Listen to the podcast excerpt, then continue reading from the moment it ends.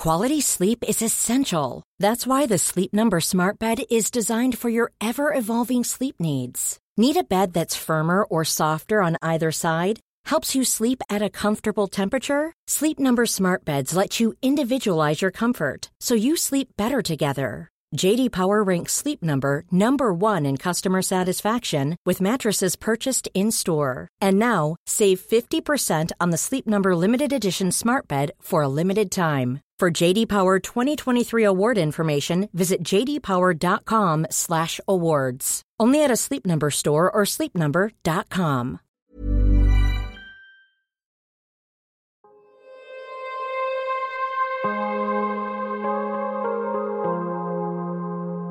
Vores mentale sundhed er nedadgående, og det er til trods for, at vi aldrig har været rigere, aldrig har haft flere muligheder og aldrig har levet længere. Det skal vi selvfølgelig tale højt om, så vi kan blive klogere på, hvordan vi får det bedre. Podcasten her handler om, hvordan vi kan lykkes med at være gladest og friest muligt i det ene, ofte ret travle liv, vi har.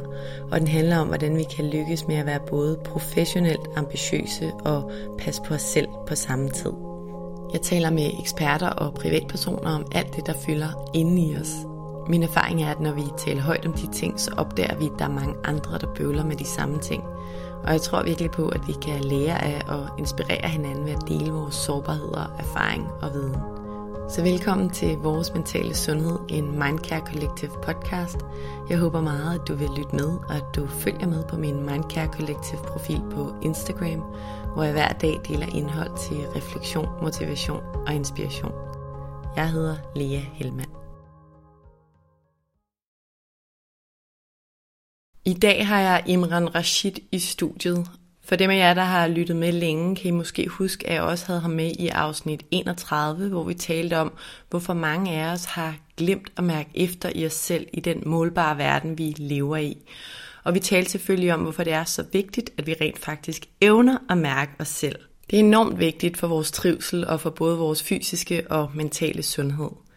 I dag er Imran i studiet med et andet formål. Vi skal nemlig tale om Imrans mærkesag nummer et, nemlig om skærme. Vi skal tale om, hvad skærme og tech-giganternes algoritmer i øvrigt gør ved børns og voksnes mentale sundhed. Og vi skal tale om, hvorfor det er vigtigt, at vi er bevidste om det her emne, og om hvorfor det er vigtigt, at vi handler i forhold til det. Og jeg har glædet mig meget til at dele emnet her med jer. Inden vi starter, vil jeg som altid også lige nævne, at du helt gratis og nemt kan støtte, at der bliver ved med at komme nye afsnit af vores mentale sundhed. Det gør du selvfølgelig først og fremmest ved at dele, at du lytter med derude. Derudover betyder det selvfølgelig også rigtig meget, hvis du rater podcasten, anmelder den og subscriber til den i din podcast-app, hvis du kan lide det, du hører. Du kan også donere et valgfrit beløb til podcasten. Det gør du via MobilePay-nummeret 155503 som du også kan se i tekststykket under afsnittet her. Det er alt sammen med til at støtte, at der kan blive ved med at komme nye afsnit. Tusind tak. Velkommen til, Imran Rashid. Tak skal du have. Imran, hvordan har du det i dag? Jo, det er en uh, ganske okay dag. Um, der er ikke voldsomt meget i kalenderen, og jeg føler, at jeg har kontrol over det, jeg har i kalenderen. Ja, det er altid en god følelse at være ja. i kontrol, synes jeg i hvert fald.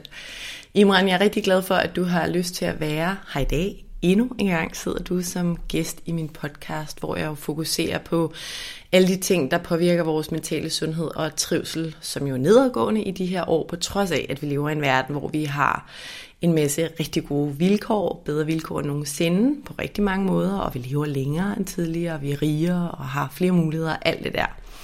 I dag der skal vi tale om skærme. Og det er jo noget, du rigtig længe har interesseret dig for. Og vi skal tale om, hvorfor det er så vigtigt, at vi ved, hvad skærme gør ved os, og især ved børn. Og vi skal tale om, hvad vi som individer og som samfund rent faktisk kan gøre for at håndtere de her skærme bedst muligt. Fordi de er jo nok kommet for at blive, de her skærme. Så vi skal jo gøre et eller andet og vide nogle ting, som jeg ser det. Og jeg synes selv, at det her emne, det er virkelig spændende, og jeg synes også, at det er lidt skræmmende. Så jeg glæder mig til at tale med dig i dag. Inden vi kaster os ud i det, så giver jeg lige en introduktion til dig, Imran. Du hedder, som nævnt, Imran Rashid, og du er speciallæge i almen medicin, og udover at du har arbejdet som praktiserende læge, så har du også arbejdet som innovationschef for Alias Hamlet førhen. Men lige nu arbejder du faktisk med noget lidt andet. Du er nemlig innovationsdirektør hos Lenus eHealth. Du er også forfatter. Du har for eksempel skrevet bogen Mærkbarhed, som det sidste afsnit, du var med i, tog udgangspunkt i. Og så har du skrevet bogen Sluk, kunsten at overleve i en digital verden, for en del år siden faktisk, som handler om, ja, hvordan teknologi påvirker vores sundhed, og om hvad vi kan gøre for at være mere i kontrol med os selv og med teknologien. Og der er jo allerede sket ret meget på den teknologiske front, siden du skrev bogen, men jeg tænker, at dens pointer kun er blevet endnu mere relevante, siden du skrev den. Mm. Ja, og med de ord, så lad os kaste os ud i det, Imran. Ja. Yeah. Som altid, så vil jeg gerne starte lidt på toppen. Du skrev i 2017 den her bog, Sluk, som jo blev rigtig populær, og allerede dengang var du som nævnt interesseret i, hvad skærme og teknologi gør ved vores sundhed, og især ved vores mentale sundhed. Og hvis man følger dig på LinkedIn eller andre steder, så ved man, at du stadig er rigtig optaget og passioneret i forhold til det her emne. Kan du ikke starte med at fortælle mig og lytterne, hvor den der interesse og passion i forhold til det her emne egentlig kommer fra hos dig? Øh, jo, det vil jeg gerne. Øh, altså, øh, det starter jo med, at jeg sidder som læge og bliver interesseret i teknologi, fordi jeg synes, det er super spændende med alle de muligheder, der er. Jeg har jo selv været enormt begejstret for alt, hvad øh, der nærmest kom ud af Silicon Valley, og var en af de første i Danmark til at have en iPhone. Øh, og, og det var fantastisk at sidde der med muligheden for at kunne hvert år kunne man mere med den her telefon, og altså hele den der grænseflade med muligheder og flere sange, og så kunne man lige pludselig øh, øh, tage nogle fede billeder, og man kunne øh, navigere. Altså der er så mange ting, man lige pludselig, der blev nemmere og nemmere og nemmere. Og, den, øh, og, det, og der kunne jeg bare huske, der som læge sad øh, i det der, sådan, at når jeg lukkede døren til konsultationen bag mig, så var det lidt som at gå tilbage i tiden, fordi øh, der var der begrænsninger på, hvordan man ligesom kunne arbejde. Jeg havde sådan lidt, jamen, altså det var da fuldstændig fjollet for eksempel, at når jeg nu kan sidde og lave øh, videokonsultationer med min familie nede i Pakistan via Skype, øh, hvorfor pokker kan jeg ikke bruge de muligheder som læge i mm. Danmark? Hvilket jo er sjovt, fordi Skype er opfundet i Danmark. Øhm, så der begyndte jeg at eksperimentere lidt med den her sådan, interesse for at bruge teknologi, og øh, blev også øh, ja, øh, grebet af det i form af, at øh, jeg kastede mig ud i noget startup øh, halløj, hvor jeg tænkte, jamen, hvorfor kan man ikke bare bruge videoteknologi? Det var den første tilgang til det, men altså i det hele taget kastede mig ud som iværksætter, øh, sammen med en øh, civilingeniør i datateknologi, hvor vi simpelthen gik i gang, og jeg anede intet om iværksætteri, så jeg brugte, tror jeg, en million kroner på at bygge noget, der ikke overhovedet virkede overhovedet. Hvis jeg bare havde tænkt mig bare lidt om, så havde jeg overhovedet ikke haft chancen for at virke heller. Fordi jeg tænkte, jamen, hvor svært kan det være mm. øh, at lave det næste Skype, ikke? Man må øh, prøve nogle gange. Ja, man må prøve nogle gange, men man kan også prøve billigere, kan man sige, end det. Men altså, det var det, jeg lidt lærte hele den der, vi var i USA også på, på det her tidspunkt, og øh, altså tog på sådan nogle inspirationsture, der fik jeg virkelig min teknologiske vækkelse, øh, det der med at være midt i Silicon Valley og se de her kæmpe, kæmpe firmaer, der påvirker milliarder af mennesker på daglig basis. Der, der tænkte jeg, at sådan vil jeg også kunne nå ud med mine evner. Altså, hvis de kan lykkes med at gøre de her ting, så vil jeg også som læge kunne lykkes med at hjælpe så mange mennesker, fordi teknologi er bare nødt til at beherske for, og, og, og min tanke var lidt, at når jeg stikker hånden ned i min lægetaske, så skal jeg kunne hive teknologi op. Mm. Fordi det er noget, som der er derude øh, i dag, og, og det her med at kunne lave apps, der lige pludselig nåede ud til mange flere mennesker, end man sådan lige troede. Så det var sådan indgangsvinklen til det. Som jo var lidt mere positiv. Som var meget positiv, og ekstremt øh, altså optaget, hvad man kunne med teknologien. Ikke? Og det var også der, øh, da jeg så endte ude på Hamlet, og sad i den der dobbelte rolle, hvor jeg både var innovationschef, og samtidig havde patienter, Øh, der var det så, at jeg lige pludselig begyndte sådan at, at undre mig over, at der var så mange af de her top- og mellemledere, jeg så, som havde søvnproblemer og koncentrationsproblemer, øh, og følelsen af hele tiden at være på og så videre. Øh, og kunne også selv på min egen krop mærke, at jeg igen og igen faldt i søvn med Angry Birds liggende på kinden. Øh, Øh, men, men hovedet på sømmet, eller det der ligesom gjorde udslaget for, at jeg begyndte virkelig at interessere mig for den bagsiden af medaljen, hvis man kan sige sådan, det var da min datter på 10 år kom hjem og spurgte, om hun måtte få en smartphone. Øh, for så var jeg nødt til at tage stilling til det, hvis jeg er i tvivl om det her, hvad, mm. hvad, jeg er jo nødt til at vide, hvad der skal til for at træffe gode beslutninger. Mm. Altså i dag, når hun er 14, så er det nemmere at sige, øh, rådgive hende, når hun kommer og spørger, øh, øh, om hun må drikke alkohol, eller øh, hvad med det der øh, rygning, øh, sådan nogle ting. Det er nemmere, fordi der har vi en viden om det. Ja, og en erfaring, ikke? Og en erfaring også, mm. ikke? Og, og, og, og hvad hedder det, hele den her digitale, altså der var bare, det var som om, der var sådan en kæmpe sort hul. Mm. Der er sådan også prøvet at søge, hvad, hvad, hvornår skal børn have en smartphone, og er det sundt, er det usundt? Øhm, og hvor, jeg, hvor det også bare slog mig, hvis jeg som uddannet speciallæge, der har arbejdet med teknologi i en masse år, og virkelig sat mig ind i det, og sidder og udvikler det her, hvis jeg er i tvivl, yeah. om det er en god idé at gøre, hvad som er alle dem, der...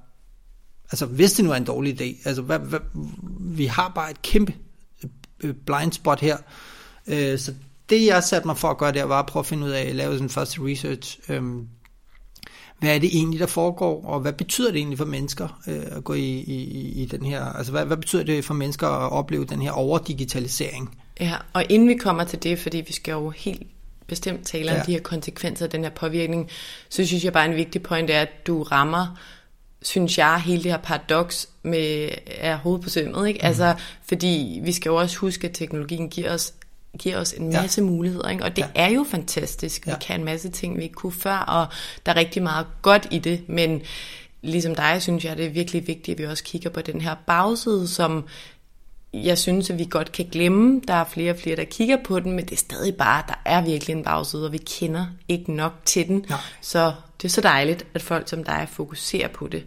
Og som du også øh, er lidt inde på her, så er det jo, at, at skærme og det der bag skærmene, det, det påvirker jo os, og det påvirker vores børn og vores mentale sundhed på flere måder. Mm. Og man kan sige, at der er både det her med skærmen i sig selv og det blå lys, men så er der jo også derudover måske især alt det, som indholdet og algoritmerne bag skærmen mm. gør ved os. Og jeg mm. ved godt, at det er et stort emne, men jeg tænker, om vi ikke lige kan gå igennem i hvert fald nogle af de vigtige konsekvenser eller påvirkninger, ja. som skærme, sociale medier og algoritmer medfører eller har for mm. os mennesker. Og hvis yes. vi starter med skærmen i sig selv, og det blå lys, det er jo sådan lidt mere konkret. Ja. Hvad ja. er det så, det kan?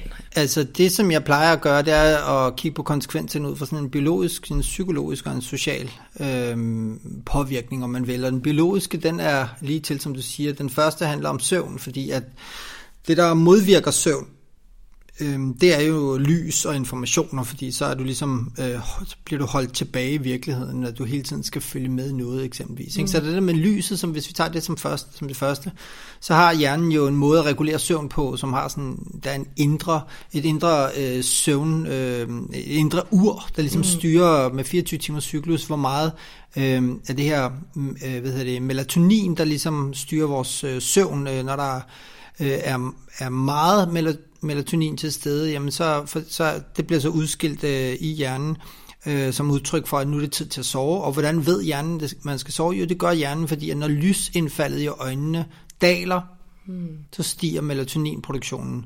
Men problemet er, når man så øh, giver sig selv en form for jetlag ved at sidde med blåt lys, så, bliver hjernen, så kommer der ikke nok melatonin til, at man kan falde i søvn.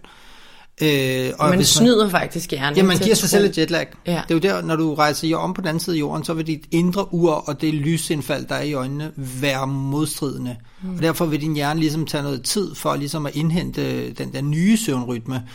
Øh, eller tilbage til, resette tilbage til den gamle. Ikke? Så, så, så der er bare den ene ting, at vi ikke bygget til at kunne tænde solen når som helst. Mm. Groft sagt. Det er den ene del af det. Den anden del af det er jo også så, at... Øh, at øh, for mange unge øh, vil det her jo også handle om, at når jeg slukker for den her skærm, så forsvinder den adgang til mine venner.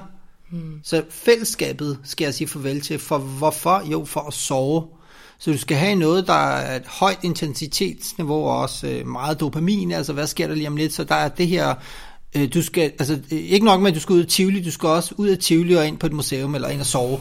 Altså mm. det er sådan meget fra højt, højt intensitetsniveau til ingenting.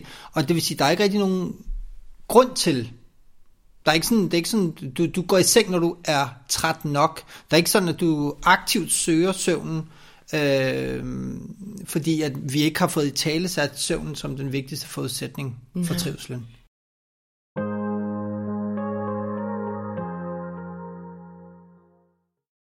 Jeg kan huske, jeg læste Matthew Walkers ja. Why We Sleep, hvor han også siger, at vi er den eneste art på jorden, der valgfrit tilsidesætter vores søvn, uden nogen biologisk fordel. Man kan jo snakke om det valgfrit. Ja, det kan du rigtigt, ja.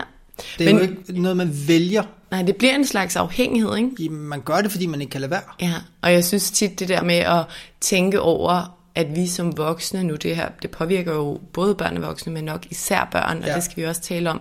Men når man selv ligger om aftenen og lige ser den der ekstra Netflix-serie, eller mm. lige gør det der, mm. når man som voksen, eller i øvrigt lige tager ja. det der snack med, man har lyst til, når det er så svært for voksne at lade være, mm. så forestil dig børn, der jo slet ikke har samme grad af rationale og samme udvikling i hjernen, og skulle tage ja. de her valg. Og endnu større behov for søvnen også. Det er jo der, de ligesom vokser, og det er der, deres hjerne bearbejder informationer og så videre, og sorterer i informationer. Mm. Så der er jo enormt mange udfordringer forbundet med det her. Nu så jeg lige øh, øh en øh, lille undersøgelse, der var lavet øh, i en klasse på øh, Niels Brock, øh, om, øh, hvor læreren bare havde sådan, Nå, hun vil bare, fordi nu jeg er, er med i et øh, projekt, hvor øh, hele Niels Brock, det kommer til at arbejde med øh, øh hvad hedder det, ændrede øh, mobilvaner og øh, mere fokus på læring, dannelse og trivsel. Der øh, havde en af lærerne bare sådan, efter det her kick-off, øh, lavet en undersøgelse i klassen om, hvor godt sover de. Hmm. Og det havde, den første øh, survey, hun har lavet, der, hun gået, der var den laveste grad, det var 5 fem timer, og så op efter. Men øh, så var der nogen, øh, der formentlig har fortalt hende, at øh, der er faktisk også behov for at lave en endnu lavere skala. Så den næste, hun lavede, den gik helt ned til tre timer, og der var altså nogle af børnene, der sover fire eller fire og en halv time. Nej, er det vildt. I gennemsnit de sidste to uger. Og altså hvis man, apropos den der mm. why we sleeping, ja. altså søvn har jo en kæmpe mæssig påvirkning på vores både fysiske ja. og mentale sundhed. Ja. Og vi snakker altså, at den helst skal for voksne ligge ja. på 7-8 ja. timer, ikke? Ja. og for børn jo meget højere. Ja, og det er kedeligt. Ja. Det er derfor. Ja. Det er kedeligt at sove. Hvis du vender dig til, at dit liv er fyldt med underholdning øh, og yderstyret indhold, øh, som trækker i dig konstant, evigt og altid, jamen, så er det klart, at man ikke vil sove. Og som er skabt til at bibeholde dig, Og som er dig, skabt til at holde dig vågen, ikke? Og mm. som Netflix jo også har sagt, at de konkurrerer mod, øh, altså deres største konkurrent er folks søvn. And we're winning, som han mm. så også sagde efterfølgende om øh, øh, deres øh, CEO. Det er egentlig ret vildt, ja. at han etisk og moralsk tør at sige det der højt. Mm, det siger jo bare noget om, hvordan verden den er skruet sammen. Mm. Og vi skal lige om lidt tale om også, hvad vi jo så kan gøre, både som børn og voksne, og ja, enkelte individer og samfund. Men lad os lige blive lidt ved de her konsekvenser, fordi ja. der er det med melatoninen og søvnen helt generelt, og børn, der ligesom går glip af noget socialt. Er der mm. andre påvirkninger? Ja. Altså det biologiske, jamen, der er også bare den her pacificering. Du sidder meget stille. Du kan ikke være øh, et aktivt øh, barn, eller aktiv som voksen, hvis du sidder pacificeret. Altså Øh, og så var der nogen, der sagde, Nå, jamen, hvad med Pokémon Go? Jo, jo, fint nok. Folk, der går ud foran en bil, fordi det, altså, vi er nødt til også ligesom at skille tingene ad. Vi er også nødt til at sige, jamen nogle gange, så skal du bare være aktiv, bare for at være aktiv, uden at det behøver at være digitaliseret det hele, ikke? Altså, så jeg, jeg tænker jo også bare, at øh, øh, vores opmærksomhed, øh, det her med at kunne øh, holde fokus på en ting i dybden, Hmm. Det er noget af det, der også skrider, fordi øh, hvis du hele tiden sådan flakker lidt rundt, øh, man har jo også øh, selv oplevet det her med second screen og third screen, ikke? Altså hvis der er øh, en kedelig serie, jamen, så har du din telefon, og hvis så er det ikke telefon, så er der måske noget andet, eller hvad ved jeg. Så på den måde er vi jo hele tiden i gang med at bare suge til os af noget, der føles interessant, spændende, og som handler om os selv. Øh, og, og, og det er bare øh, en udfordring, fordi at så får vi jo et eller andet sted aldrig fred mentalt. Hmm en af de store udfordringer, som jeg også har stødt på, øh, vi har jo altid troet, at det at bare bruge sin opmærksomhed, det er gratis. Men øh, der er noget forskning, der lige er kommet frem, som viser, at øh, man ophober glutamat i øh, frontallapperne, altså sådan en form for et affaldsstof, hvis man kan sige det sådan, hvis du koncentrerer dig meget, lidt som mælkesyre i musklerne. Men vi stopper med at løbe, når vi får mælkesyre, når vi syrer til. Mm. Men det gør vi ikke, når vi bare sidder. Så bliver vi bare mere og mere trætte, men vi stopper ikke med at koncentrere eller fokusere eller bearbejde informationer. Så der er et eller andet her, vi også overser. Mm. Så hjernen bliver ligesom både overstimuleret, ja. vi bliver dårligere til at koncentrere os, ja. til at ind, vores indlæringsevne, kan jeg huske, jeg har læst, bliver også påvirket, ja. og samtidig tager det os væk fra ja. alt det fysiske, som jeg tror, de fleste ved er super afgørende, både for vores fysiske sundhed, ja. men også for vores mentale. Ja, pauserne. Ja. Grundlæggende også de pauser. Men både de aktive og de passive. Ja, de aktive og de passive pauser eller restitution, når man vil, men også dem, altså det der med, at livet kommer til at handle for meget om os selv. Mm. Og det er bare et kæmpe problem, når vi er bygget til at være sociale og udadvendt. Altså, når det er andre mennesker, der er i virkeligheden er forudsætning for vores øh, mm. overlevelse. Øh, når vi åbner øjnene første gang og kigger op, der er, en, der er et andet menneske, der tager sig af mig. Og min overlevelsesstrategi nummer et er at få det her op, menneskes opmærksomhed. Og hvis vi så derfra konstant ender med at fokusere på os selv, så kommer vi til at mangle alt det, der i, i starten øh, var grundlaget for, at vi overlevede. Ja, og der er jo nogle ret grundlæggende studier, ja. eller i hvert fald langvarige studier, der peger på det her med, at sociale relationer egentlig er den nok nummer et, eller i mm. hvert fald en af de mm. mest essentielle faktorer for vores glæde og, og trivsel. Og som jeg kan forstå det, jeg er ikke helt inde i studierne, men unge mennesker, de lærer faktisk ikke helt at være sammen på en sund måde, fordi det bliver gennem et medie, det bliver meget mere overfladisk. Det bliver meget mere instrumentaliseret øh, på mange måder, fordi at øh, det her med, altså der, der, igen, vi ved, vi roder rundt i noget, vi faktisk ikke helt ved, hvad konsekvensen af det er. Øh, det der med bare at kunne være, altså ens hjerne kan jo rumme mere end få mennesker. Så man lige pludselig giver mennesker adgang til 1000, mm. 500, eller bare en masse mennesker, man skal forholde sig til øh, så er der i hvert fald nogle af de studier, jeg har læst, øh, der viser, at øh, ens hjerne vil opføre sig lidt som, at ens selvbillede er under angreb. Fordi du, hvornår er du god nok, hvad synes de andre? Altså, du står på en scene, men du er ikke klædt på til at kunne stå på den scene, fordi livet er jo ikke at stå på en scene. Du skal også holde fri fra at være... Øh. Og så læste jeg for nylig, øh, også at der var nogle psykologer, der havde øh, fundet sådan et nyt syndrom, man kalder main character syndrome, mm. der handler om, at øh, på grund af den måde, vi hele tiden øh, i scene sætter os selv på, så ender vi med mentalt at tro, at vi er hovedkarakter, hovedkarakteren, øh, og at vores liv nærmest er blevet en form for serie, mm. hvor vi hele tiden skal udkomme, og hvor vi hele tiden bliver øh, bedømt, og vi hele tiden skal leve op til anmeldernes og publikums øh, øh hvad hedder det, klapsalve og så videre. Ikke? Mm. Så vi bliver sådan nogle dancing monkeys, øh, mange af os. Øh, og det er jo virkelig farligt, fordi hvornår holder du så fri? Ja. Og især for unge, der er ved at danne deres identitet. Så, så, så det er sådan nogle ting, jeg synes, der er enormt øh, øh, bekymrende og problematiske, fordi altså, hvor er det der frirum, vi får lov at bare være os selv i? Ja, og jeg synes virkelig, ud over de der pauser, som jo er virkelig kritiske for at trives mentalt, så det du taler om her med, med selvværd og selvbillede, det er nok især for mm. børn, det er også Piger. ret piger, jeg er unge piger. Men jeg tror også, det påvirker, og det er også mit indtryk, at det påvirker også voksne. Altså det her med, at vi lever i en perfekthedskultur, og vi konstant kan konfronteres med enhjørningkagen nede i børnehaven, og Ironman og Christiansborg rundt i svømmetøj, og mm partneren, der, du ved, ja, eller personen, ja. der er blevet partner, når han er 35, eller hun er 35.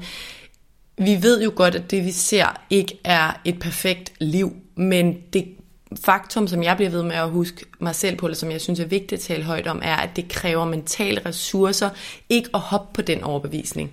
Så hele tiden skal man bruge energi på at aktivt sige til sig selv, nå, men det er jo heller ikke hele billedet, og bla bla bla. Og hvis det, altså, når vi bliver overstimuleret af de her indtryk konstant, så er det bare mentalt overarbejde. Ja. Øhm, jeg ser meget den her tid som en kollision imellem vores målsætninger og så vores forudsætninger. På Alt det, vi har brug for, som øh, er øh, kilden til trivsel, som er årsagerne til, at vi har det godt. Altså, det er jo sociale relationer, det er mad, vand, varme, hvile, sikkerhed, tryghed, øh, at vi er gode nok, er sammen med nogen, hvor vi øh, føler os gode nok. Mm. Altså alt det, der skaber følelsen af tryghed og, og grounder os på en eller anden måde, det er forudsætninger. Mm. Og det, der, der skal forudsætninger til, for at vi har det sådan. Øh, så følelsen af, hvem vi er, kræver forudsætninger. Tankerne om, hvem vi kunne blive, burde være, alt det vi taler om her, det er målsætninger, hvor vi rationelt tænker os frem til alt det, vi kunne opnå. Og har du opnået nok? Og når du så bliver konfronteret med de her billeder, så får du jo så tanken, de der har opnået det her i den alder, så burde jeg også, hvem er jeg, når jeg begynder at sammenligne mig, og så vil de tanker begynde at påvirke vores mm. følelser. Så det er der, jeg mener, målsætninger og forudsætninger kolliderer voldsomt med hinanden, fordi at følelsen af, hvem du er, tanken om, hvem du er, er forskellige fra hinanden. Yeah. Og det har vi ikke forstået endnu som mennesker. Jeg synes i hvert fald, at det... Jeg ved ikke om... Altså, du har jo forstået det, og der er jo, der er jo, vi har jo forstået det. Det er bare som om det... Jeg føler lidt, det er sådan klimakrisen for 15 år siden. Jamen, det er en mental klimakrise. Det vi ved det, det godt, men vi sådan... Du ved, vi kan ikke helt overskue det, og det du siger der, jeg kommer også til at tænke på det, man hører. Jeg hører det i hvert fald ofte og oftere, nok biased af, jeg også lægger mærke mm. til det, men den der evolutionære mismatch, ikke? Yes. altså vores, som vi også talte om i det tidligere afsnit i øvrigt, men det her med, at vores hjerne, vores forudsætninger, altså vores hjerne er jo bare altså den har udviklet sig virkelig, virkelig lidt ja. de sidste mange, mange hundredtusind år. Ja. Og altså det er jo ikke radikalt, og vores samfund bare på de sidste 20-10 år har jo ændret sig så meget, så der er en kæmpe diskrepans mellem ja. det, vi faktisk som mennesker, kropsmæssigt, hjernemæssigt, spirituelt er der sikkert også nogen, der vil sige, er indstillet til, og så det samfundet kræver af os i dag. Det, det er simpelthen uforligneligt, eller ja, det gør i hvert fald. bare samfundet, også bare hvad vi selv kræver os. Ikke? Altså ja. det er som om, der er opstået en konsensus om, at vi faktisk burde stræbe efter alt det, øh, der er ikke nødvendigvis skal os glade. Ja. Arbejde mere, end du kan holde til. Øh, køb mere, end du har brug for. Øh, øh, række ud efter flere mennesker, end du kan rumme. Mm. Så der er en masse af de her paradoxer, som bare er blevet en, en antagelse af, at det er sådan, man skal leve, og så er der jo ikke noget at sige til, at vi bliver syge. Altså, Nej. Som jeg ser det. Ikke? Så, så det er nogle af de udfordringer, der bliver... Øh, det er jo ikke alene relateret til den digitaliserede verden, men den digitaliserede verden forstærker jo alt det her, mm. fordi du hele tiden bliver konfronteret med de her mekanismer. Og bag alt det her, øh, der har vi jo så tech-firmaerne, der sidder med deres algoritmer og bare sætter strøm til alt, hvad der kan generere øh, opmærksomhed. Ja, og til dem, der ikke måske er helt up-to-date med yes. de der algoritmer, hvad er det, de kan? Så øh, i 90'erne, der opdagede øh, en øh, fyr, der hedder BJ Fox øh, på Stanford University, at øh, når han designede computersystemer på en bestemt måde, altså programmerede dem til at give sådan venlige feedbacks, øh, sådan, når man har tastet et eller andet, hvor den så sagde, thank you, have a nice day, og den slags, så øh, opdagede han, at de studerende, der sad ved de computere, hvis de så bagefter var øh, gået ud for at være med i et andet forsøg, og så skulle tilbage igen, så havde de en præference for den venlige computer, så man kunne faktisk aktivere menneskers følelsesapparat igennem design. Mm. Det var noget, han så kaldte behavior design eller adfærdsdesign.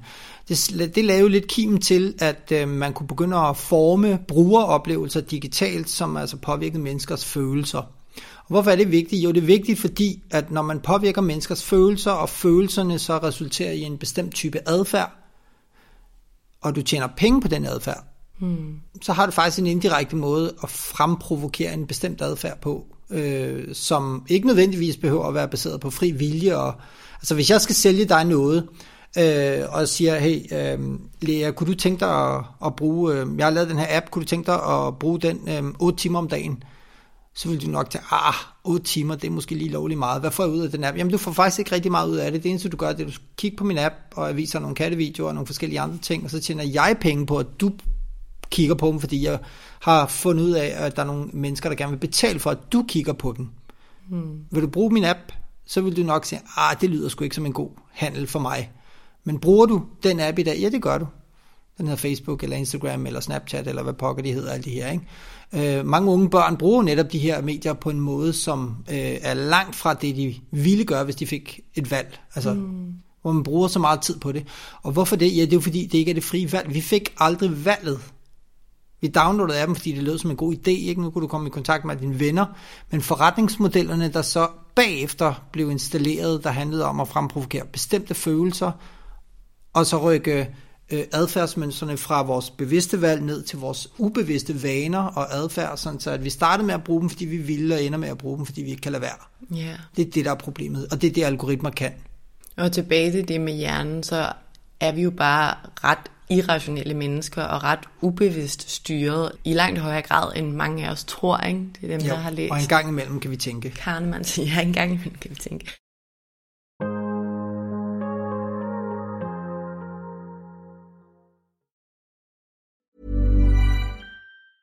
Planning for your next trip? Elevate your travel style with Quince. Quince has all the jet-setting essentials you'll want for your next getaway, like European linen premium luggage options, buttery soft Italian leather bags, and so much more. And is all priced at 50 to 80% less than similar brands. Plus, Quince only works with factories that use safe and ethical manufacturing practices. Pack your bags with high-quality essentials you'll be wearing for vacations to come with Quince. Go to quince.com slash pack for free shipping and 365-day returns. Quality sleep is essential. That's why the Sleep Number Smart Bed is designed for your ever-evolving sleep needs. Need a bed that's firmer or softer on either side? Helps you sleep at a comfortable temperature? Sleep Number Smart Beds let you individualize your comfort so you sleep better together. JD Power ranks Sleep Number number 1 in customer satisfaction with mattresses purchased in-store. And now, save 50% on the Sleep Number limited edition Smart Bed for a limited time. For JD Power 2023 award information, visit jdpower.com/awards. Only at a Sleep Number store or sleepnumber.com.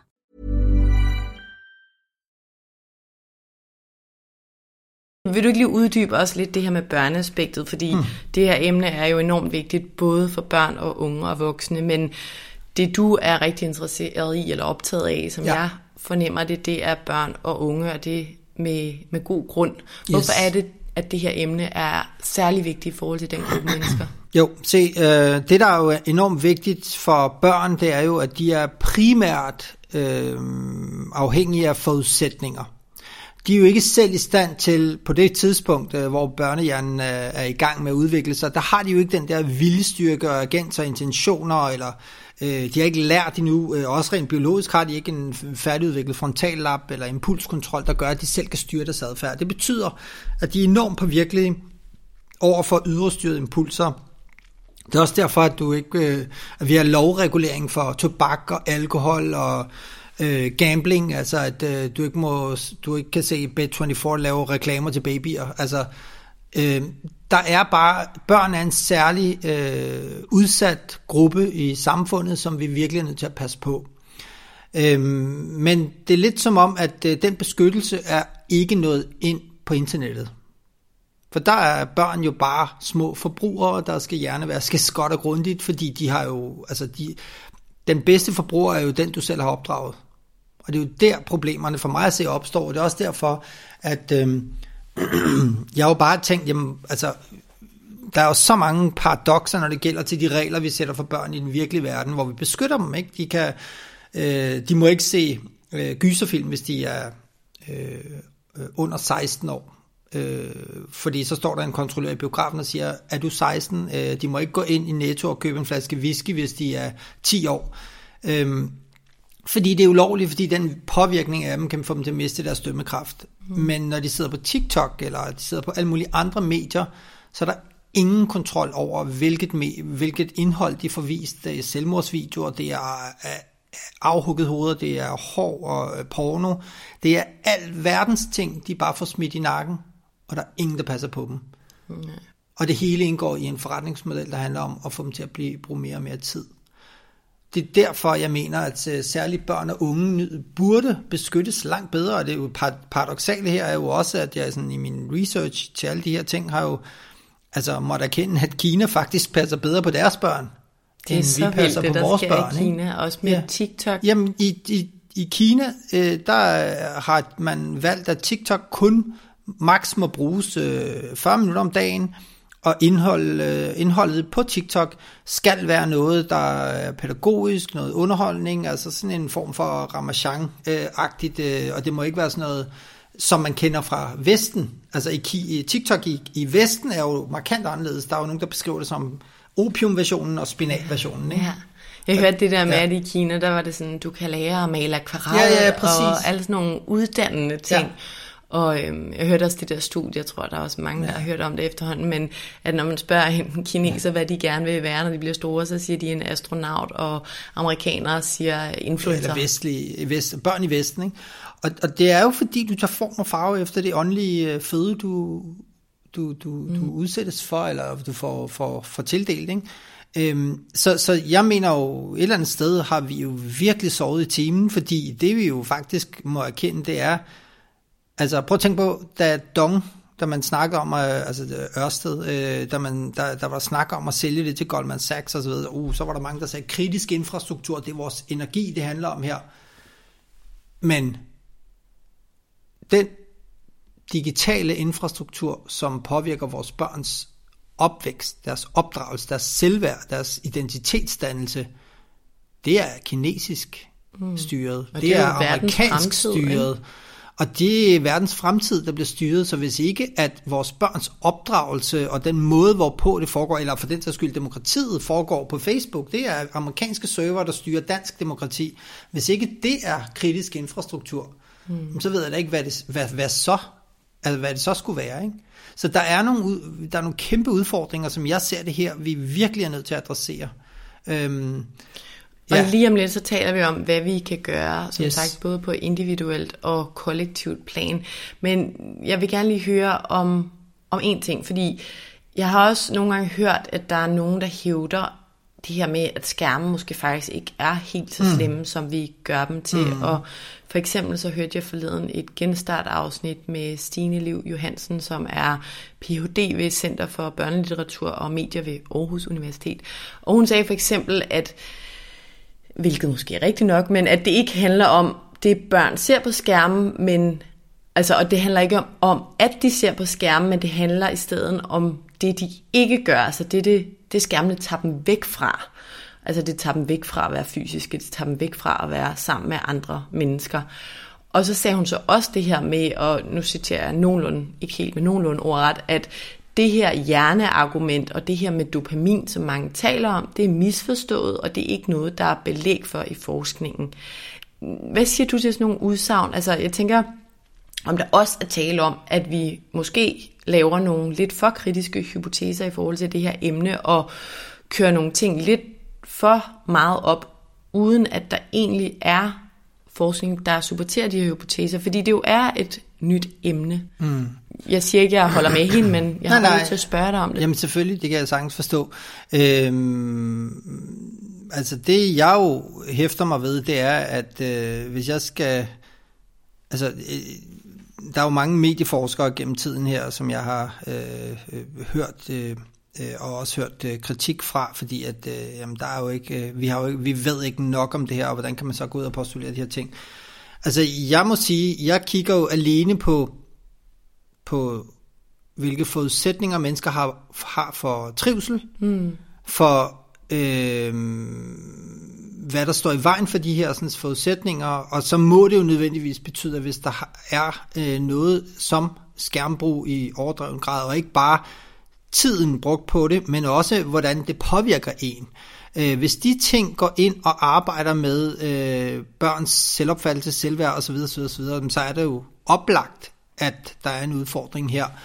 Og hvis mistanke, der er jo tonsvis af studier, der viser en klar korrelation imellem for eksempel Instagram og øh, depression, angst, øh, altså den mentale mistrivsel, øh, og for nyligt er den øh, øverste sundhedsfaglige myndighed i USA, øh, US General Surgeon, netop gået ud øh, med en advarsel øh, omkring sociale medier, hvor at øh, han siger, at der vi kan ikke sige det sikkert, så derfor er vi nødt til at anlægge et forsigtighedsprincip. Mm. Øhm, men der er et forskningsresultat, det viser, at hvis man bruger mere end tre timer om dagen på sociale medier, så fordobler du din risiko for angst og depression. Øh, og der må man bare sige, der ved vi jo, at danske unge bruger op imod 5 timer mm. gennemsnit øh, på sociale medier øh, om øh, dagen. Øhm, så det, øh, det, altså, det, som øh, jeg hører så fra medieforskere, som jo øvrigt heller ikke er uddannet til at vide særlig meget om hjernen. Altså, de ved noget om medier, de ved noget om relationen til øh, skærmen, men de ved ikke så meget om børnehjernen og dens udvikling og øh, impulskontrol og, og dopamin.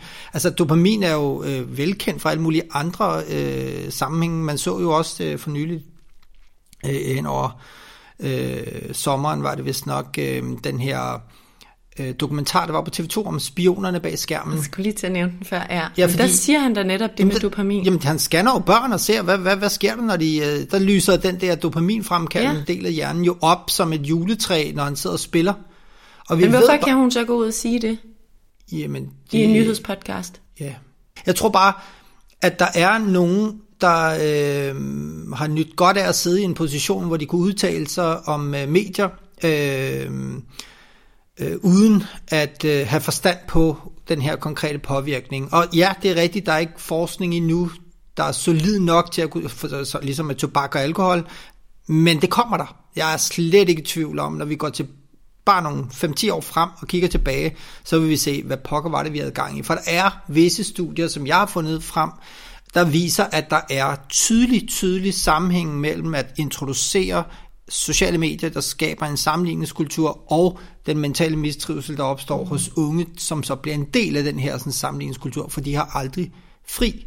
De er mm. aldrig gode nok, de er aldrig øh, en del af flokken, de hele tiden, altså man skruer lidt op for deres øh, stressrespons, så at sige, vil, jeg, vil min hypotese være. Øhm, så, så, så det er jo også en af grundene til, at øh, børne- og, og, og, og skoleministeren Mathias Tesfaye jo hen over sommeren faktisk var ret øh, øh, markant ude med, med den melding om, at man faktisk ikke ville lytte til medieforskere, som for eksempel Stine Liv, øh, længere, simpelthen fordi at man ikke Øh, man ville lytte mere til øh, sundhedsfaglige folk, til folk, der havde forstand på skoleforskning osv., fordi at nu vil man anlægge et forsigtighedsprincip. Så på den måde kan man sige, at du, jeg er jo fuldstændig øh, enig med dig i, at hvordan kan man sige sådan noget, øh, uden for det første at belæg for det, og så kan det godt være, at man ikke kan finde det i forskning, men der er jo heller ikke noget forskning, der viser, at det er ufarligt. Hmm. Jeg synes bare, at det virkelig fremhæver, hvor komplekst det her er, og hvor svært det er. Ja. Igen, du siger, at du er både læge og speciallæge, ja. og har forsket alt sådan noget, og os som almindeligt dødelige Præcis. i forhold til det her emne, vi bliver jo skrubforvirret, og det ja. bliver så nemt at hænge sig på den krog, som virker mest øh, sådan, Ufarlig. Ja, og, og også nemmest på en eller anden måde. Nå, det handler bare om det, de ser ja. på skærmen. Eller du ved, det handler bare om, at de også skal være fysiske ved siden af. Altså, det bliver virkelig vi har da, jeg har da talt med nogle venner om det her afsnit, genstart-afsnit, der kunne virkelig mærke, hvordan de blev relieved. Altså, nå, det er slet ikke så farligt. Og jeg er stadig sådan, jeg synes, det er så farligt. Men jeg ved jo ikke, om jeg har ret, fordi ja. du ved... Men der vil jeg bare sige, kan man ikke mærke det på sig selv? Jamen altså, bare, bare jeg vil sige, øhm, det er klart, at der har jo i noget tid manglet den der sådan, øh, evidens for konkret, hvad er det egentlig, der foregår. Men nu begynder der at være flere og flere studier. Et af de største studier, jeg har set, der peger i retning af, at der faktisk er en direkte kobling mellem introduktion af et socialt medie og så forværing af mental mistrivsel. Det er et studie, der er lavet, hvor man gik tilbage i data fra 2004 til 6, hvor at, uh, Facebook blev udrullet til amerikanske colleges, men det skete forskelligt i tempo, tempi. Mm. Så nogle colleges fik Facebook før andre, uh, og man havde jo data både fra trivselen på skolen, men også deres akademiske performance. Og så fandt man simpelthen data fra den periode for 430.000 elever. Og der koblede man direkte sammen med at sige, at du havde data før at Facebook kom, og så havde du data efter at Facebook havde været der. Og det man fandt ud af der var, at øh, det forværrede øh, mental øh, mistrivsel, når Facebook blev introduceret. Det skete et til to år efter dem, der havde øh, større øh, risici og var mere sårbare, øh, dem ramte det hårdest. Jo længere tid man var udsat for det, jo værre blev effekten. Øh, og øh, det skyldes især den her uretfærdige øh, sammenligningskultur, der opstod på baggrund af det her. Og det er altså Facebook tilbage i 2004 til 2006, så det vil sige, det er næsten 20 år siden. Hmm. Effekten af sociale medier er jo kun blevet maksimeret. Så en kæmpe udfordring i det her er faktisk, at der ikke er nok forskning endnu. Der viser, at det er skadeligt, men burde vi ikke snarere fokusere på forskning, der viser, at det er sundt, og så holde børnene skadesfri indtil da? Hmm. Bør vi ikke anlægge et forsigtighedsprincip? Det svarer jeg plejer tit at bruge det her eksempel med, det, det, det svarer til, at man kører frem i toget, du kan ikke se mere end 10 meter frem, skal man sætte farten op eller ned? Hmm. Ned hvis man skal passe på. Ikke? Mm. Jamen, der er jo ikke evidens for, at der er en mur, mm. så hvorfor ikke bare... Og fremtiden er jo fuld af mure, yeah. eller hvad vi skal kalde det. Ikke? Øhm, så, så det er der, at problemet er lige nu, men altså jeg ser flere og flere, og det er jo ikke kun i Danmark, altså hvis du kigger på statistikkerne, så er der, øh, hvis jeg bare lige skal pege på én ting, som jeg har stødt på, året 2012 er ret, øh, øh, når man kigger tilbage og har data for, hvad der skete 2012, det er det tidspunkt, hvor at øh, over halvdelen, altså hvor, man, hvor flere øh, en halvdelen af amerikanske teenagere øh, havde en smartphone. Det var der, hvor Facebook købte Instagram, det var der, hvor sociale medier og smartphones smeltede sammen for alvor, hvor man havde adgang til, altså øh, nu var det ikke længere sociale medier på computer, men nu var langt størstedelen øh, af, af, af unge øh, havde smartphones, og det man så så derefter, det, og det er nogle voldsomme grafer, hvis man kigger lidt på det, altså mental mistrivsel begyndte at stige, Øhm, selvskade begyndte at stige, indlæggelser på grund af selvskade begyndte at stige, øhm, ensomhed i skolen begyndte at stige, tiden brugt sammen med venner begyndte at falde, skete i Danmark, skete i USA, skete i Norden, øhm, og det sker specifikt efter 2012, hvor du bare ser en kæmpe øh, ændring i det her. Og så kunne man sige, jamen det kunne også bare være, at det var fordi, øh, vi begynder at snakke om øh, øh, mental mistrivsel på en anden måde, eller, eller den dur, men så ville folk jo ikke blive indlagt. Mm-hmm. Altså de vil jo ikke blive indlagt øh, på grund af øh, selvskade, øh, hvis det kun var en samtale. Ikke? Så der er mange ting, når man ligesom lægger det sammen, hvor man bare siger, okay, vi er så minimum, at vi er nødt til at beskytte børn, hvis det her skulle vise sig at være problematisk og farligt, hvad der jo er meget, der tyder på. Øh, den seneste whistleblower fra Facebook, Frances Hogan, som hun hed, de papirer, hun havde med sig derfra, viser jo tydeligt, at Facebook godt er klar over, at der er en tydelig sammenhæng mellem den mentale mistrivsel øh, og så måden, som Instagram bliver brugt på. Og det er det, jeg mener lidt med eksempler som det, der ja. får mig til at føle, at det er klimakrisen for 15 år yes, siden. Fordi præcis. det er jo, hvad det halvandet år siden nu, hun kom ud, ja. hvis ikke mere, jeg kan ikke ja. huske, hvornår præcis det var. Og alligevel, så sker ja. der ikke mere, end der gør. Ja. Jeg synes, det er så vildt. Men det sker der så. Ikke fordi borgerforslaget, som jeg kom med her ja. i starten af året, øh, eksploderede jo. Fordi jeg havde sådan tænkt, det kan ikke være rigtigt. Altså, når jeg delte mine opslag på LinkedIn, så gik de, begyndte de at gå meget mere viralt i, i starten af året, end, end de har gjort før. Hmm. Øh, hvor jeg bare tænkte, der er et eller andet her, en, en, en, en national fortrængning, der er noget her, vi ikke ser, fordi vi måske ikke kigger efter det. Og der tænker jeg bare, jamen, lad, os prøve at, at sætte, lad os prøve at give befolkningen en stemme. Vi er jo mm. aldrig nogensinde blevet spurgt, om vi vil leve i det her samfund, altså i, i den her overdigitalisering. Vi er aldrig blevet spurgt om det øh, som almindelige borgere. Så det tænkte jeg, lad os prøve at, at se, og så gik der jo seks uger, og havde, så de øh, påkrævede 57.000 stemmer. Øh, og det må man sige sat gang i en diskussion, øh, der nåede helt op til øh, ja, statsministeren. Øh, så der er jo virkelig sket noget her, og jeg kan også øh, med tilfredshed notere mig, at det er noget, som politikerne virkelig har taget til sig. Ja, det tager bare tid, som med alt andet jo, ikke? Ja. Og det er bare så apparent lige nu, at ja. det skal gå hurtigere. Mm. Jeg har et barn, der starter i skole til sommer, og ja, jeg kan mærke det. Jeg vil gerne have, at der sker noget på det her. Ja, det sker også. Det øh, mit, altså, jeg er også tæt dialog med skole- og børneminister Mathias Tesfaye, og Altså, øh, der kommer til at være meget klare, restriktive anbefalinger for brug af skærme, øh, så det er alene voksenstyret formålsbestemt øh, og med et pædagogisk indhold. Øh, og så tror jeg generelt, at den her udvikling, vi ser, kommer til at fortsætte, så at vi øh, kommer til at se en meget større beskyttelse af børn, end vi har set før overhovedet.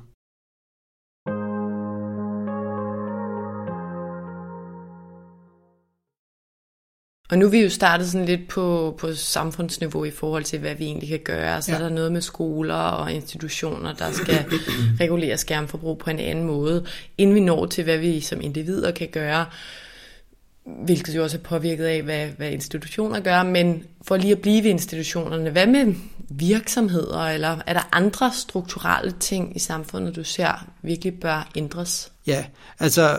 Øh jeg mener, øh, at øh, alle, der har ansvar for at lave arbejdsmiljø, eller har indflydelse på andre menneskers arbejdsmiljø, øh, de bør samtidig anlægge det, jeg kalder et mental-økonomisk budgetansvar.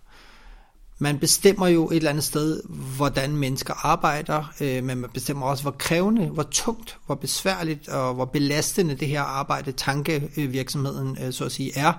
Øh, og der er man nødt til at indtænke digitaliseringen som øh, ikke bare som et øh, fedt og åbent og fleksibelt øh, redskab, men også som et potentielt set drænende øh, arbejdsmiljø, fordi hvis du altid er tilgængelig og altid har adgang til kontorer og altid har adgang til din arbejdsopgave, hvornår holder du så fri?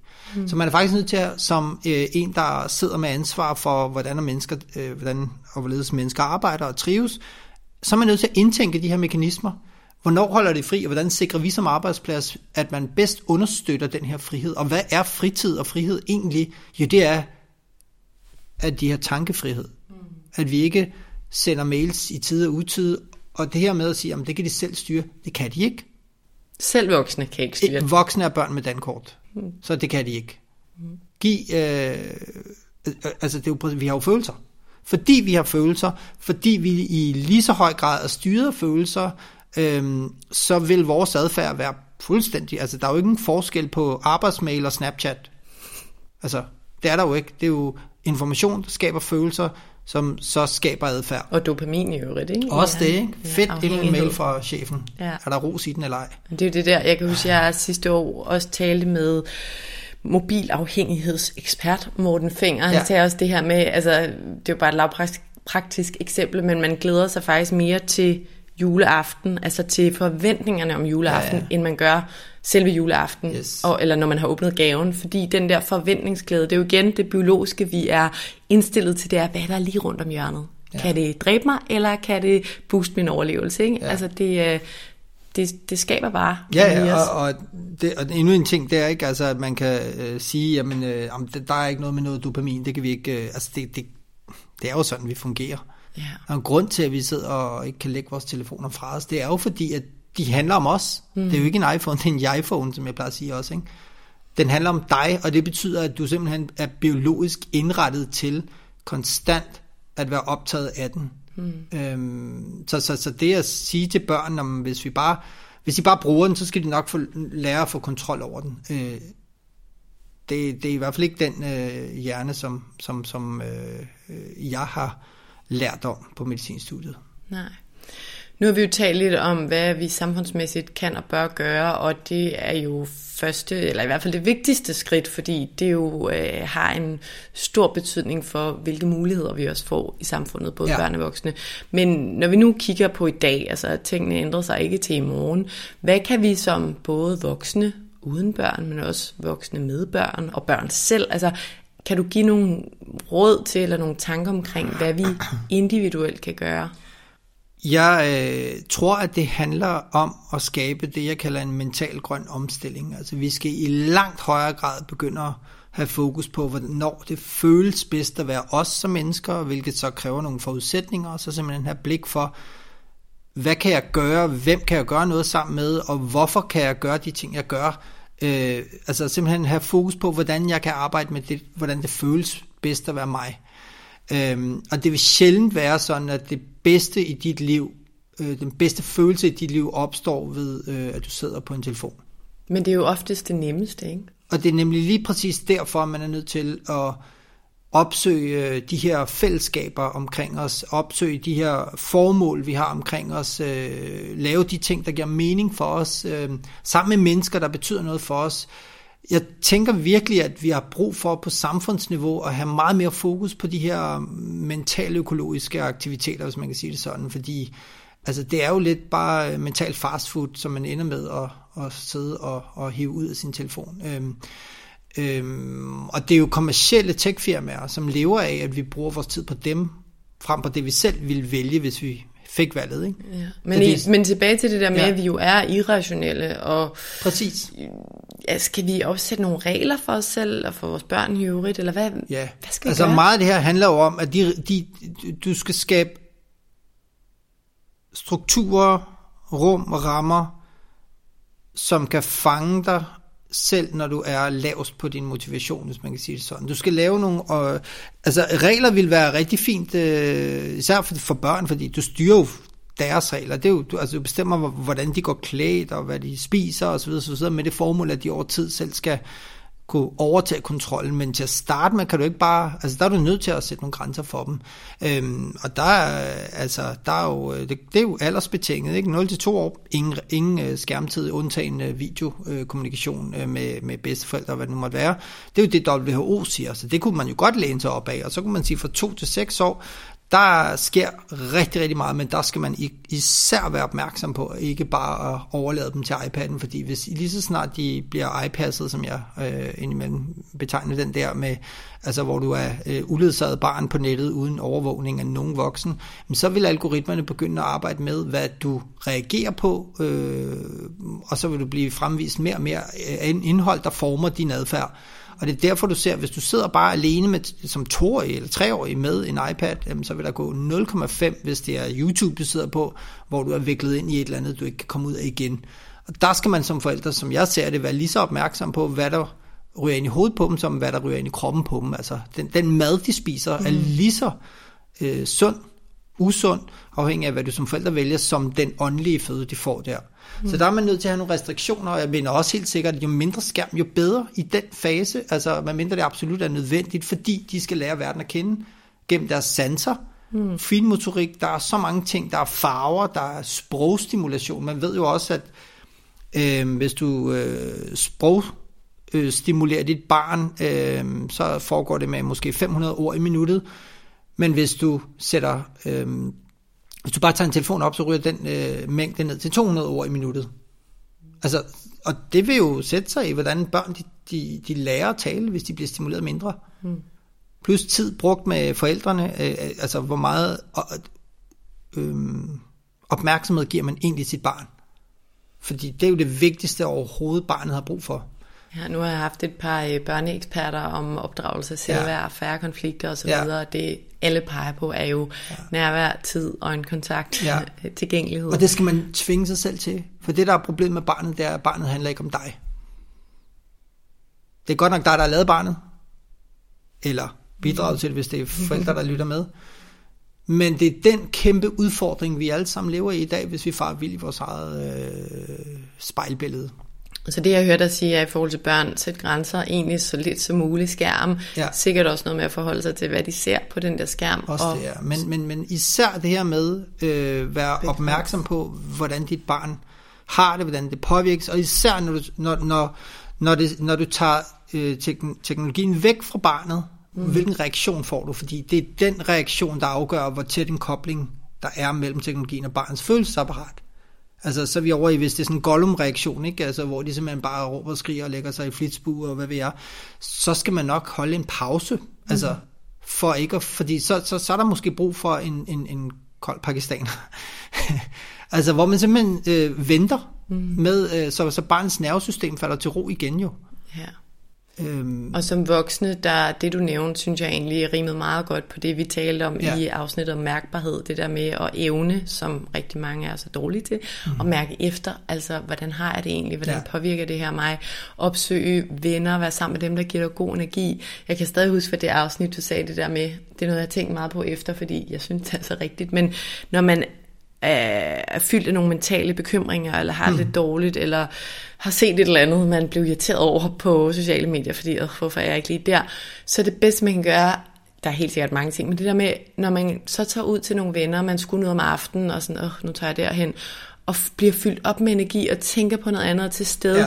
så forsvinder det jo. Det forsvinder, fordi du er der, hvor du får god energi, du har ikke tid til at tænke på det. Ja, det, ja, det forsvinder. Altså, øh, jeg var jo på folkemødet her i, i sommer, øh, og øh, der var jeg med i en debat, hvor jeg stod sammen med Bertel Hårder, som jeg netop har, har stiftet det her folkemøde. Øh, og der, må, der takkede jeg ham for at have skabt et ægte socialt medie. Når du mm. går rundt i blandt mennesker, fyldes op fuldstændig med alle de her tilfældige møder og øh, tilfældig venlighed. Folk er jo venlige og hjælper hinanden, og du ved, man bumper ind i hinanden og alle mulige ting. Det er et socialt medie. Det var det, vi blev lovet, og i stedet fik vi sådan en dåse øh, i hånden fyldt med noget, der minder om mennesker. Mm. Og ikke engang, det minder jo ikke om mennesker, det er noget, vi forestiller os. Så forskellen på at forestille sig mennesker og menneskelig interaktion, og så på at kunne mærke den, mm. altså det er virkelig som... Øh, som at rende rundt i et samfund med corona, hvor du ikke kan se nogen mennesker, hvor du har maske på, og hvor der hele tiden er en begrænsning i forhold til at opleve virkeligheden, og så mm. på at være midt inde i parken, når Minds of 99 spiller. Yeah. Altså det er den der sansestimulation, som skaber menneskelighed. og det er den, vi er i gang med at underminere, som jeg ser det. Vi skal virkelig huske den ægte sociale energigivende kontakt og de mentale pauser. Imran, på nogen måde så virker det her jo en lille smule som en, måske ikke helt tabt kamp, men i hvert fald en kamp, der er svær at vinde. Altså teknologien skærme er kommet for at blive, og AI og virtual reality er jo områder, der først lige er begyndt så småt at blomstre. Vil du egentlig ønske, at de her ting ikke fandtes? Altså at alt fra sociale medier til AI ikke fandtes? Tror du så, at verden ville være et bedre sted? Øhm, det, verden ville være et andet, et andet sted. Øhm, altså, øh, jeg er jo ikke naiv. Øhm, jeg tror rigtig meget på, at øh, teknologi og digitalisering øh, kan skabe en masse forandringer, men det, der er endnu mere afgørende, det er, at det er mennesker, der sætter kursen for de forandringer. Mm. Det er jo os, der skal bestemme, hvor vi, hvad er det for en verden, vi egentlig gerne vil have, og så er vi nødt til at regne baglæns derfra for at se, hvad der skal til for, at vi får den verden. Øh, Øh, når man siger det her med, at fremtiden er digital, og øh, teknologi er her for at blive, øh, som siger, mennesker er her allerede. Forhåbentlig er fremtiden ikke digital, forhåbentlig er den menneskelig. Ikke? Forhåbentlig handler det om, at mennesker er mennesker, og vi bruger teknologi der, hvor det giver mening, men resten af tiden, så prøver vi at, at, at netop at opfylde de forudsætninger, der skal til, for at flest mulige mennesker trives. Altså en af de allerstørste problemer, der kommer her inden for de kommende år, det er jo ensomhed. Mm. I en verden, hvor vi aldrig har haft større muligheder for at være forbundne. Men hvad så, når du ser på fremtiden for dine børn og dine ja. børnebørn? Hvad er det så for et billede, du ser? Øhm, der ser jeg et billede, hvor vi har lært at besinde os. Jeg ser et billede, hvor vi har lært at, øh, øh, at dyrke menneskelighed, øh, fordi lige om lidt, så vil det ikke være... Jeg tror, der kommer en modbølge, som vi ser det nu, Øh, på grund af netop øh, kunstig intelligens og, og alt den øh, udvikling, der foregår i de her år, øh, der er der jo mange, der siger, at år 2023 er det sidste år nogensinde, du vil kunne stole på, hvad du ser på nettet. Mm. At det er virkelighed. Og fordi man ikke vil kunne stole på, hvad man ser, hvem man hører sige hvad, så tror jeg, at vi vil søge det eneste sted hen, hvor vi har kontrol over virkeligheden, og det er i virkeligheden. Vi to sidder her. Du er ikke en avatar. Mm-hmm jeg kan aflæse det, du siger, det, du tænker, langt hen ad vejen. Øh, og, og, og den kontakt, der er mellem mennesker her, det er den, der kommer til at være den, det eneste ankerpunkt, eller det eneste fikspunkt for, at vi kan trives som mennesker. Fordi vi har brug for hinanden. Fordi, øh, jeg, og det er den modbølge, jeg tror, det er de lande, der først når derhen, og, og, og der er vi ret langt frem i bussen, fordi vi har foreningslivet, vi har Grundtvig, vi har højskolerne, vi har tradition for at mødes. Vi har ovenikøbet skabt øh, et begreb for, hvordan mødet mellem mennesker, øh, hvordan atmosfæren skal være, at vi skal hygge os. Altså, det har vi jo dyrket igennem mange år. Og det betyder, at vi har lettere ved at finde derhen, når det er, at tsunamien for alvor kommer øh, og vi ikke længere kan stole på den digitale verden, så har vi et helle, vi kan bevæge os hen til. Det tror jeg kommer til at ske, men det er bare rigtig ærgerligt for alle andre, der ikke har øh, den der sådan, øh, base, de kan søge hen til. Så det er det, jeg ser. Når jeg kigger frem, så ser jeg øh, en verden, der er digitalt forurenet, men jeg ser også nogle mentale økologiske åndehuller, øh, som vi forhåbentlig har fået skabt. Det håber jeg, Imran. Det aller sidste spørgsmål, hvis du skal nævne for eksempel to ting, råd, læringer, du gerne vil enten nævne eller gentage, baseret på din erfaring og din viden i forhold til det her emne. Hvad vil du så her til allersidst give lytterne med? Jamen, det er at øh, bruge sin tid på at gøre mere, hvor man glemmer sig selv. Sammen med øh, mennesker, man gerne vil bruge tid sammen med. Og hvor at man oplever følelser, som man både ønsker, men som man også har brug for. Og det skal man jo lige være bevidst om, det der med, hvad man egentlig har brug for, ikke? Jamen, du ved godt, hvad du har brug for. Hvis du lukker øjnene og tænker på det, der betyder mest for dig, så vil det typisk være koblet op på et savn. Øh, efter, og det kan være et biologisk savn, ikke? Du kan jo godt øh, være tørstig, men så har du brug for at drikke noget vand. Men det er næppe det, du tænker på, hvis det er det, der betyder mest for dig. Så vil det være mennesker, du måske tænker, øh, jeg har brug for den eller de mennesker. Hvorfor? Fordi de betyder mest for dig. Og der tror jeg bare, at livet bliver meget lettere på en eller anden måde, når man kan begynde at aligne de behov, man har, som er indenfra styret, med, den, med det fokus, man har, når man åbner øjnene igen. Hmm. Hvad bruger du din tid på, og hvad kunne du godt tænke dig at bruge din tid på? Når tankerne om, hvad vi godt kunne tænke os at gøre, og følelsen af det, der gør os glade og trygge og tilfredse, når de to ting de kommer tættere på hinanden, så tror jeg, at vi begynder at få et bedre liv. Ja, så vi skal forene forudsætningerne med de her målsætninger. målsætninger. Tusind tak, fordi du havde lyst til at være med i dag, Imran. De her emne omkring skærme og algoritmer og tech-giganternes magt over os og vores børns hjerner, det er kommet for at blive, og jeg synes som nævnt, at det er spændende, og det er også skræmmende, men jeg er rigtig, rigtig glad for, at du vil være her i dag og dele ud af din viden og erfaring, så tak fordi du kom. Og tak for at måtte.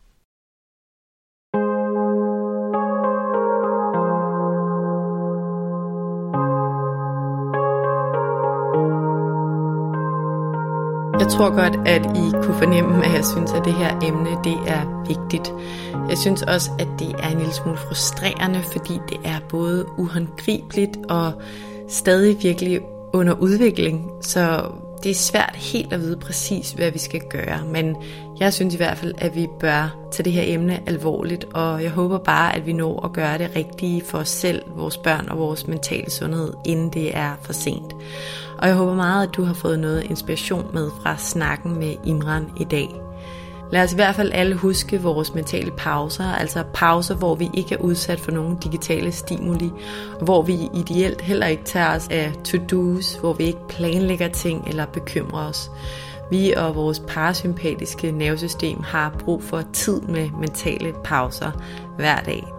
Og husk at gøre de ting, som dine biologiske forudsætninger taler for, Udover de her mentale pauser handler det om, at vi altid bør bevæge os fysisk, vi bør være i naturen, bruge tid i naturen, i solens lys, og vi bør bruge tid med de mennesker, vi holder af, dem som giver os god energi. Vi er, også selvom vi lever i en individualiseringskultur, sociale væsener, når alt kommer til alt. Så lad os for Guds skyld huske de fysiske og de sociale fællesskaber frem for alt. Resten af livet. Og så lige en lille note om næste uges afsnit, hvor jeg har besøg af Camilla Kongsbak. Afsnittet er en personlig beretning, hvor Camilla fortæller om sin ret vilde oplevelse med kropsterapi. Jeg tror, at kropsterapi for mange er en smule uhåndgribeligt, og jeg har før haft emnet med i podcasten her fra en ekspertvinkel. Kropsterapi handler om en behandlingsform, der arbejder med koblingen mellem krop og sind, og det er jo virkelig spændende. Og Camilla, hun har i den grad en historie, der på ja, en ret vild måde eksemplificerer, hvad kropsterapi rent faktisk kan gøre.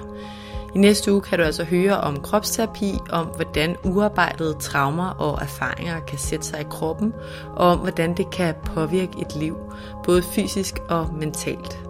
Lyt med til Camillas ret vilde historie i næste uge. Tusind tak, fordi du lyttede med i dag. Hvis du kunne lide det, du hørte, så husk, at du nemt og gratis kan støtte podcasten ved at dele, at du lytter med på sociale medier. Husk at tagge Mindcare Collective. Det betyder helt vildt meget. Hvis du kan lide podcasten, kan du også støtte den ved at rate eller anmelde den i din podcast-app, og ved at trykke på subscribe-knappen. Så ved du også altid, hvornår der udkommer et nyt afsnit. Det er alt sammen med til at støtte, at jeg kan blive ved med at lave nye afsnit af vores mentale sundhed. Som det sidste vil jeg også bare lige nævne, at du selvfølgelig altid er velkommen til at række ud, hvis du har feedback, idéer eller noget på hjerte, du gerne vil dele med mig. Du kan skrive til mig via min Instagram-profil, Mindcare Collective, eller via min hjemmeside, mindcarecollective.com, fordi du lyttede med.